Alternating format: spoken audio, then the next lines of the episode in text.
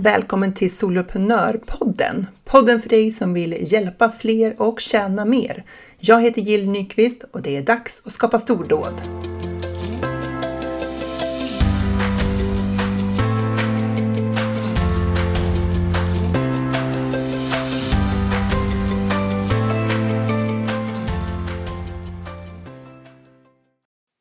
Storyn du berättar för dig själv kommer vara den viktigaste historien du formulerar i ditt företagande och egentligen också i ditt liv. Stort tack för att du lyssnar på Soloprenörpodden. Jag är så glad att ha dig här och eh, vill du lämna mig en eh, sån här review eller eh, rating på iTunes eller den poddspelare du använder så skulle jag bli superduper glad för det hjälper podden att synas för fler. Idag ska vi prata om mitt eh, nummer ett viktigaste eh, sätt att tänka, alltså det sättet att tänka som har hjälpt mig kanske mest i mitt företagande. Se om det också kan hjälpa dig. Du har ju säkert hört att 95% av våra tankar idag är ungefär de samma som vi tänkte igår. Eh, alltså att 95% av tankarna går på auto-repeat. De finns i vårt undermedvetna. De ligger där under ytan. Vi är inte riktigt medvetna om dem och ändå så påverkar de alla delar av våra liv och naturligtvis också då av vårt företag. Och om vi alla föddes förprogrammerade med tankar som hjälpte oss att hantera de här utmaningarna som vi möter i våra företag så vore ju här inga problem. Men vi föds ju inte med de här tankesystemen. Vi skaffar dem under livets gång. Alla våra erfarenheter, möten, egna slutsatser, allt som vi är med om, det föder de här tankarna på något sätt. Dessutom är vi benägna att cementera våra tankar, oavsett om de är bra för oss eller inte. För att spara energi så gör vår hjärna ofta processen kort. Idéer och budskap som inte passar in med hur vi ser världen idag filtreras bort. Och de idéer och budskap som går i linje med det vi redan tror oss veta, de tar vi in. Våra hjärnor älskar att få bekräftat sånt som vi redan vet. Eh, och det här är ju praktiskt för det sparar ju liksom någon form av så processorenergi i vår hjärna. För hjärnan utgör bara 2% av vår kroppsmassa men förbrukar 25% av energin när vi koncentrerar oss. Så inte undra på då att det tar emot att göra det där jobbet i ditt företag som kräver att du sitter ner, fokuserar, processar, organiserar din kunskap. Det är hårt arbete. Så förr när det var angeläget att spara energi, när vi bodde på savannen där det var ont om kalorier, då var det ju nödvändigt att spara energi. Nu är det inte riktigt så, åtminstone inte för oss som bor där vi bor. Men eh, det här med att vi vill bekräfta det som vi redan vet, spara energi, tänka samma tankar, det gynnar oss ju inte alltid i vårt företagande, i vår vardag som företagare. För här här behöver vi tänka nytt. Inte nytt som är nytt för hela mänskligheten och en idé som ingen någonsin har tänkt förut, utan nytt för oss själva. Det som är ovant för oss. Eftersom vi automatiskt letar efter bekräftelse på sånt som vi redan vet eh, att det är rätt så kommer det att finnas saker kring vårt företagande som vi aldrig får syn på. Vi kan bara skapa tänker jag, det som vi har liksom någon form av förmåga att drömma om. Det som aldrig poppar upp i våra huvuden kommer vi inte heller medvetet att försöka liksom åstadkomma. Så beroende på hur dina tankar ser ut så kommer innehållet i dem avgöra vad som blir möjligt för dig i ditt företag. Inte tekniken, inte kunderna, inte möjligheterna som finns runt omkring dig, utan din förmåga att se allt det här kommer avgöra hur väl du lyckas skapa det där företaget och det där livet du är ute efter. Eh, och det är ju en fantastiskt bra sak för det kan vi ju påverka. Men kanske du tänker, påverka inte eh, allt det där andra också? Alltså tekniken, kunderna, världsekonomin, lågkonjunkturen. Och allt det där är ju våra omständigheter för våra liv. Och de har vi att förhålla oss till. De är ju en del av den vardag vi alla möter. Jag tänker att det som skiljer framgångsrika personer och då tänker jag personer som har liksom nått dit de ville eller liksom gått mot sina uppsatta mål från mindre framgångsrika är förmågan att anpassa sig efter den situation de är i och hitta vägar framåt. oavsett vad den, hur den situationen ser ut. För det är ju rätt mycket som vi inte kan påverka. Jag vet inte om du har läst den här boken, Stephen Covey, eh, eh så han skrev den här eh, Seven Habits of Highly Effective People. Eh, han har ju också tagit fram en modell som heter Circle of Influence och Circle of Concern. Eh, jag vet inte om du kan googla på det om du vill se hur de där ser ut. Eh, men just den här modellen då, Circle of Influence och Circle of Concern, den beskriver hur vi i huvudsak har två val. Att lägga stort fokus på det vi inte kan påverka eller öva oss på att utvidga den cirkel som vi kan påverka, alltså influens. Föreställ dig hur mycket mer effektiva vi skulle bli utan att jobba hårdare eller mer om vi la allt vårt medvetna fokus på det som vi har direkt rådighet över. Som våra reaktioner, våra förberedelser, hur vi agerar, hur vi prioriterar, vad vi prioriterar och så vidare och så vidare. Det kan ju låta självklart att vi ska lägga störst uppmärksamhet i våra liv på det vi kan påverka. Men i verkligheten så gör vi ofta tvärtom. Vi klagar och ondgör oss över saker som ligger utanför vår kontroll, ibland långt utanför vår kontroll. Ett väldigt vanligt exempel är ju vädret. Hur många timmar tror du att vi svenskar har pratat om väder den här sommaren? Inget ont om vädersnack. Jag tror att vi behöver det som någon form av gemensam terapi. Men poängen är att bli medveten om vad vi väljer att lägga vår dyrköpta och, och fantastiskt tänkande förmåga på. Tankar är ju tankar tills vi har upprepat dem tillräckligt många gånger då blir de övertygelser. Och när de har uppnått den statusen i våra medvetande, då ifrågasätter vi dem inte lika ofta. Många gånger för att de har gått från att vara någonting vi tänker till någonting som vi uppsatt, uppfattar som fakta. Alltså så som det är. Och hur kan det låta i våra företag då? Jag är ingen säljare. Jag kan inte lära mig teknik eller teknik är inget för mig. Jag kan inte göra klart något. Jag bara byter projekt hela tiden. Eller kanske handlar om mer om världen utanför. Så här, ingen köper nu, det är inte rätt läge. Eller det går inte att sälja till privatpersoner. Ja, och så vidare och så vidare.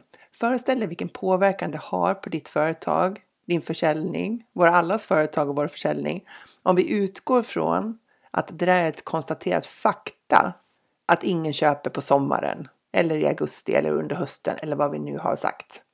Eller att det inte går att leva på en business som riktar sig mot privatpersoner. För det som händer är ju att våra hjärnor börjar leta efter bevis. Bevis på att det inte går att sälja på sommaren. Eller bevis på att jag inte kan lära mig teknik. Och varje liten grej som bekräftar det här kommer ju lysa i eldskrift. Lyftas upp märkt bevis 36. Så steg för steg cementerar vi våra egna övertygelser. Men det behöver ju såklart inte vara så här. Vi är inte kidnappade av våra hjärnors grundfunktionaliteter.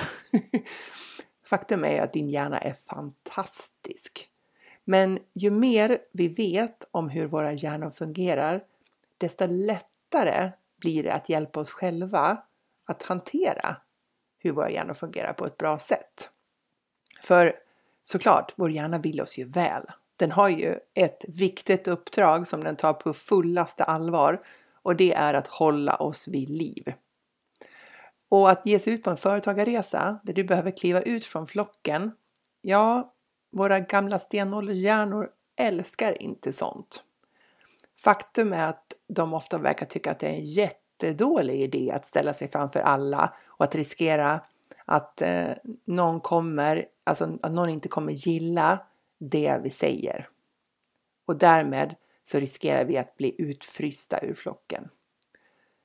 Jag läste i en bok, eh, jag vet inte om du känner till den, Story or Die av Lisa Kron. Väldigt bra, rekommenderas om du gillar det här med story. Eh, men i den så stod eh, det att det hade börjat hittas mer och mer bevis på att våra hjärnors sista så här, utvecklingsspurt för runt 100 000 år sedan var för att öka vår förmåga att komma överens och interagera med varann. Att det var det som drev på att vår hjärna blev större och mer utvecklad. Att utveckla våra sociala förmågor så att vi kunde leva i grupper och samarbeta. Och därmed då att vår hjärna, våra hjärnors viktigaste uppdrag är att hantera de sociala aspekterna av livet.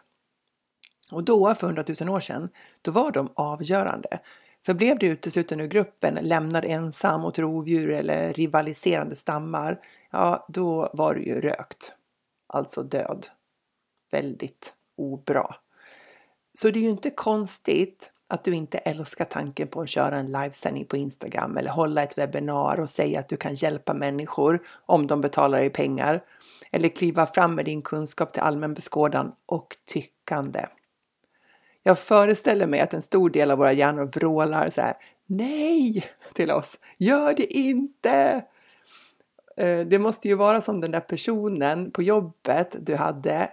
Vi verkar alla ha mött en sån person. Den där personen som sitter med armarna i kors och säger så där gör vi inte här. Eller det där har vi redan provat, det funkar inte. Det känns som att det är lite den personen den här delen av hjärnfunktionaliteten är. när det är dags för någon förändring av våra arbetssätt. Men vår hjärna är fantastisk och vi behöver bara lära oss att jobba med den och inte mot den. Inte bara låta oss övertygas av de här tankarna och känslorna utan ifrågasätta dem så att vi kan fortsätta framåt. Men i ärlighetens namn så är det ju bra mycket tryggare och mindre kravfyllt att fokusera på vad Stephen Covey då kallar för circle of concern. Alltså den där delen där vi kan prata länge om sånt som vi faktiskt inte kan påverka. Det är som någon slags egen komfortzon. Men eftersom vi inte är ett offer för våra egna trygghetstörstande hjärnor så finns det mycket vi kan göra för att hjälpa oss själva. Och idag tänkte jag att jag skulle då dela den här insikten som har hjälpt mig så mycket i mitt företagande. En av de absolut viktigaste sakerna att vara medveten om. Och på temat då Story or Die, att vi älskar historier, att de liksom är en genväg in i våra medvetanden, så blir det ju viktigt att välja vilken liksom, motorväg vi använder. Och det här är ett så kraftfullt sätt att göra det. Konceptet kallas eh, då för så här, fakta versus fiktion. Alltså, vad är fakta? Sånt som kan ses och mätas. Och vad är fiktion? Våran tolkning och berättelse om det faktat. Grunden är ju att vi liksom tenderar att tro på de negativa berättelserna mer. Du har ju säkert märkt det många gånger. Du gör en utvärdering, tio personer är nöjda, en skriver att de inte är nöjd och har någon kommentar om vad du borde ändra på någonting, kanske ger ett lågt betyg. En. Vad får störst sändningsutrymme i din hjärna? Alla tankar på de tio personer som var fantastiskt nöjda och, nöjda och hur de hyllade vilken hjälp de har fått från dig och vad glada de var för det. Eller den där personen som gav ett lägre betyg och ett kritiskt omdöme. För de flesta av oss så har det där enda dåliga betyget, den där enda negativa kommentaren sugit upp allt syre. Vi tänker på den om och om igen och varje försök att flytta fokus till de där tio som faktiskt är supernöjda faller platt. Kanske eh, så här, kan det kännas som att vi försöker ljuga för oss själva, rätt, att vi liksom rättfärdigar oss för att vi faktiskt inte har en så bra tjänst när vi försöker hitta andra sätt att se på det där. Problemet är inte bara att det här får oss att må dåligt. Problemet är att utifrån den här känslan så presterar vi inget bra. Det är svårt att skapa bra saker i företaget när känslan av att vara en bluff, att ha misslyckats och att vara dålig är det som driver oss, som är liksom överskuggar det vi gör. Beslut vi fattar i det här läget utifrån de här känslorna kommer ju högst troligt vara väldigt försiktiga. Vi kanske till och med avstår från att göra ett inlägg om något som vi har planerat för vi tänker att nej, det, är inte, det här är inte tillräckligt bra. Eller i värsta fall så ställer vi in en hel säljlansering av någonting som vi hade planerat. Och det luriga är att eh, skulle det vara så att vi ställer in en hel lansering så är det inte ens säkert att vi förstår att vi gjorde det på grund av att vi känner oss dåliga och misslyckade. Vi har förmodligen fått tillräckligt med goda anledningar av vår välmenta hjärna att det känns som ett fullständigt rationellt beslut att ställa in.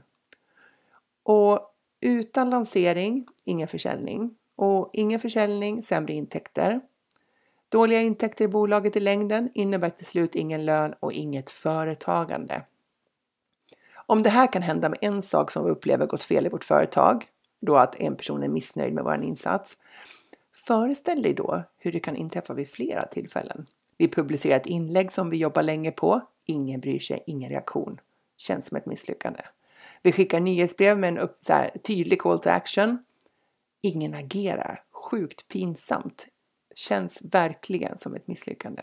Eller en kund betalar inte fakturan. Ännu en motgång. Ja, du fattar. Det finns ju många incidenter i våra företag som vi behöver förhålla oss till. Och vi behöver göra det på ett sätt som gagnar oss. Eftersom eh, att driva ett företag, eh, det händer ju många saker. Vi har liksom mycket vardag att hantera.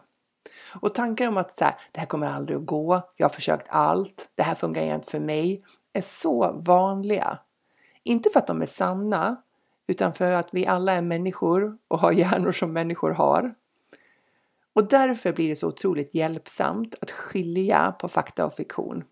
Det vill säga vad som faktiskt hände och den berättelse vi skapar kring det som hände. Som ett exempel då. Vad är fakta? I det här exemplet eh, som jag hade då. Utvärdering visar att 10 deltagare är väldigt nöjda. Och så kan man skriva där vilken poäng de har givit om det finns en sån utvärdering. Och en är mycket missnöjd. Och så kan man skriva poängen från den. Så det är fakta. Eh, och hur vet du att det är fakta? Jo, för att om du ska visa den där utvärderingen för tre vänner så kommer de se samma siffror. Tio deltagare tyckte så här, en tyckte så där. Det är fakta. Fiktion eller vår tolkning av det här då? Vad skulle det kunna tänkas vara? Um, ja, ett är ju då, så här, det var det jag visste, jag är inte tillräckligt bra, det här är så pinsamt, kommer aldrig få det här funka. Eller två, deltagaren är en idiot som inte fattar någonting. Eller tre, Eh, ja, jag inser att alla kan inte tycka precis lika. Att tio personer svarade att de var så pass nöjda tar jag ändå som ett tecken på att kursen var bra och passade dem. För en person passar den inte och det är okej. Okay. Nummer tre. Ett konstruktivt sätt att förhålla sig till faktat. För utifrån den berättelsen, då kan vi ju fundera över så här, okej, okay, men vad vill jag göra då? Jag kanske vill vänligt fråga vad den här personen saknade i kursen. Och så vill jag kanske utifrån den feedbacken göra uppdateringar på områden om det krävs, eh, om jag, in, om jag håller med. Eh, eller så kanske jag tänker så här, jag gör ingenting nu, jag säljer den här kursen en gång till och så skaffar mig större underlag för revidering, alltså större underlag för beslutet om vad det är som eventuellt behöver förbättras. Vi har så många fler konstruktiva handlingsmöjligheter när vi väljer tanke 3. Ingen av dem handlar om att vi vill gömma oss, lägga ner hela företaget eller lägga skulden på en deltagare. Att skilja på fakta och fiktion kan också hjälpa till att få syn, alltså hjälpa oss att få syn på våra egna tankar. Så om fakta är att vi säger att du sålde tre coachingplatser när det lägsta målet var 10 så får ju du tankar om det såklart. Och om någon av de tankarna innebär att du känner dig besviken. Ja, men får vi inte vara besvikna? Får vi inte vara frustrerade ett tag? Jag tycker det. Poängen är att eh, förstå att det är det det handlar om. En känsla som vi kan hantera och sen gå vidare. Jag tycker inte att vi människor ska bli som robotar som inte låter någonting påverka oss. Vi kan ju känna alla känslor, även de jobbiga. Jag älskar inte dem, men ändå. vi kan känna de där jobbiga känslorna och ändå fortsätta framåt. För de här jobbiga känslorna, när vi ser dem och förstår dem och förstår vårt tankemönster kring det som hände så, så kommer de att tona ner mycket, mycket snabbare än vi försöker hålla dem ifrån oss eller vägra känna att de finns eller alternativt bli helt uppslukade av dem.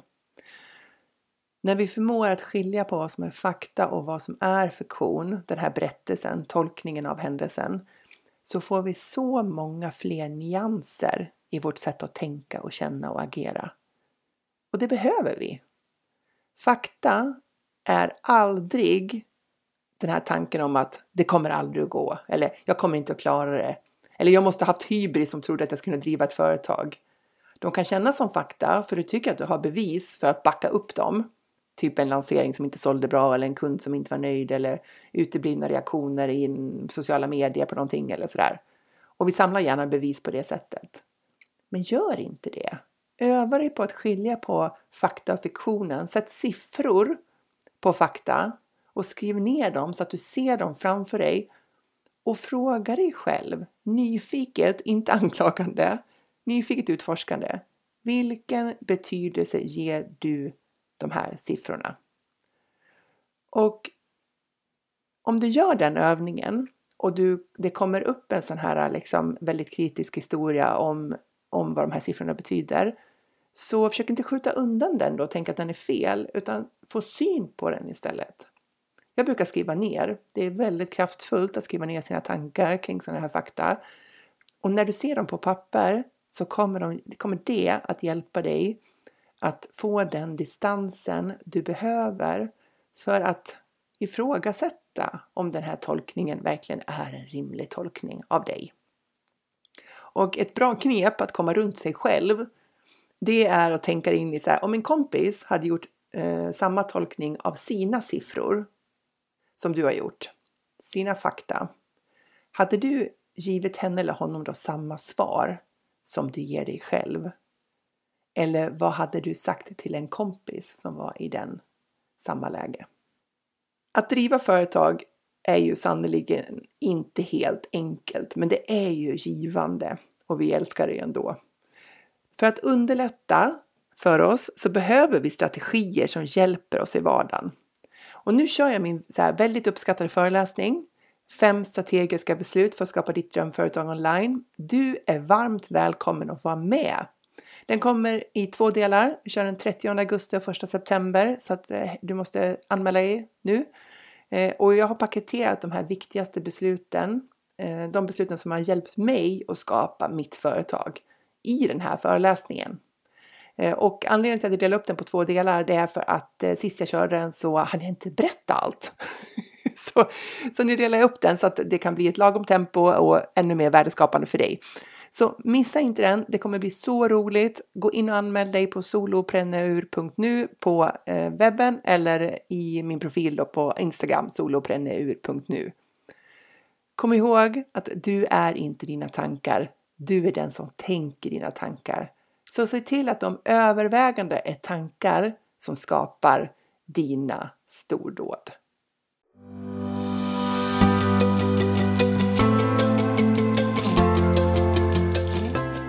Stort tack för att du lyssnar på Soloprenörpodden. Jag är så glad för det. För att du inte ska missa när ett nytt avsnitt kommer ut så prenumerera gärna på podden i den poddspelare som du använder så vet du att du alltid får en notifiering när det är dags för ett nytt avsnitt. Om du vill får du gärna ta en skärmdump av det här avsnittet och tagga mig på Instagram i en story, solopreneur.nu. Jag tycker det är galet roligt att se alla er som gör det, för då vet jag ju att just du lyssnar och det är ju helt fantastiskt. Stordådligt, som jag skulle kunna säga.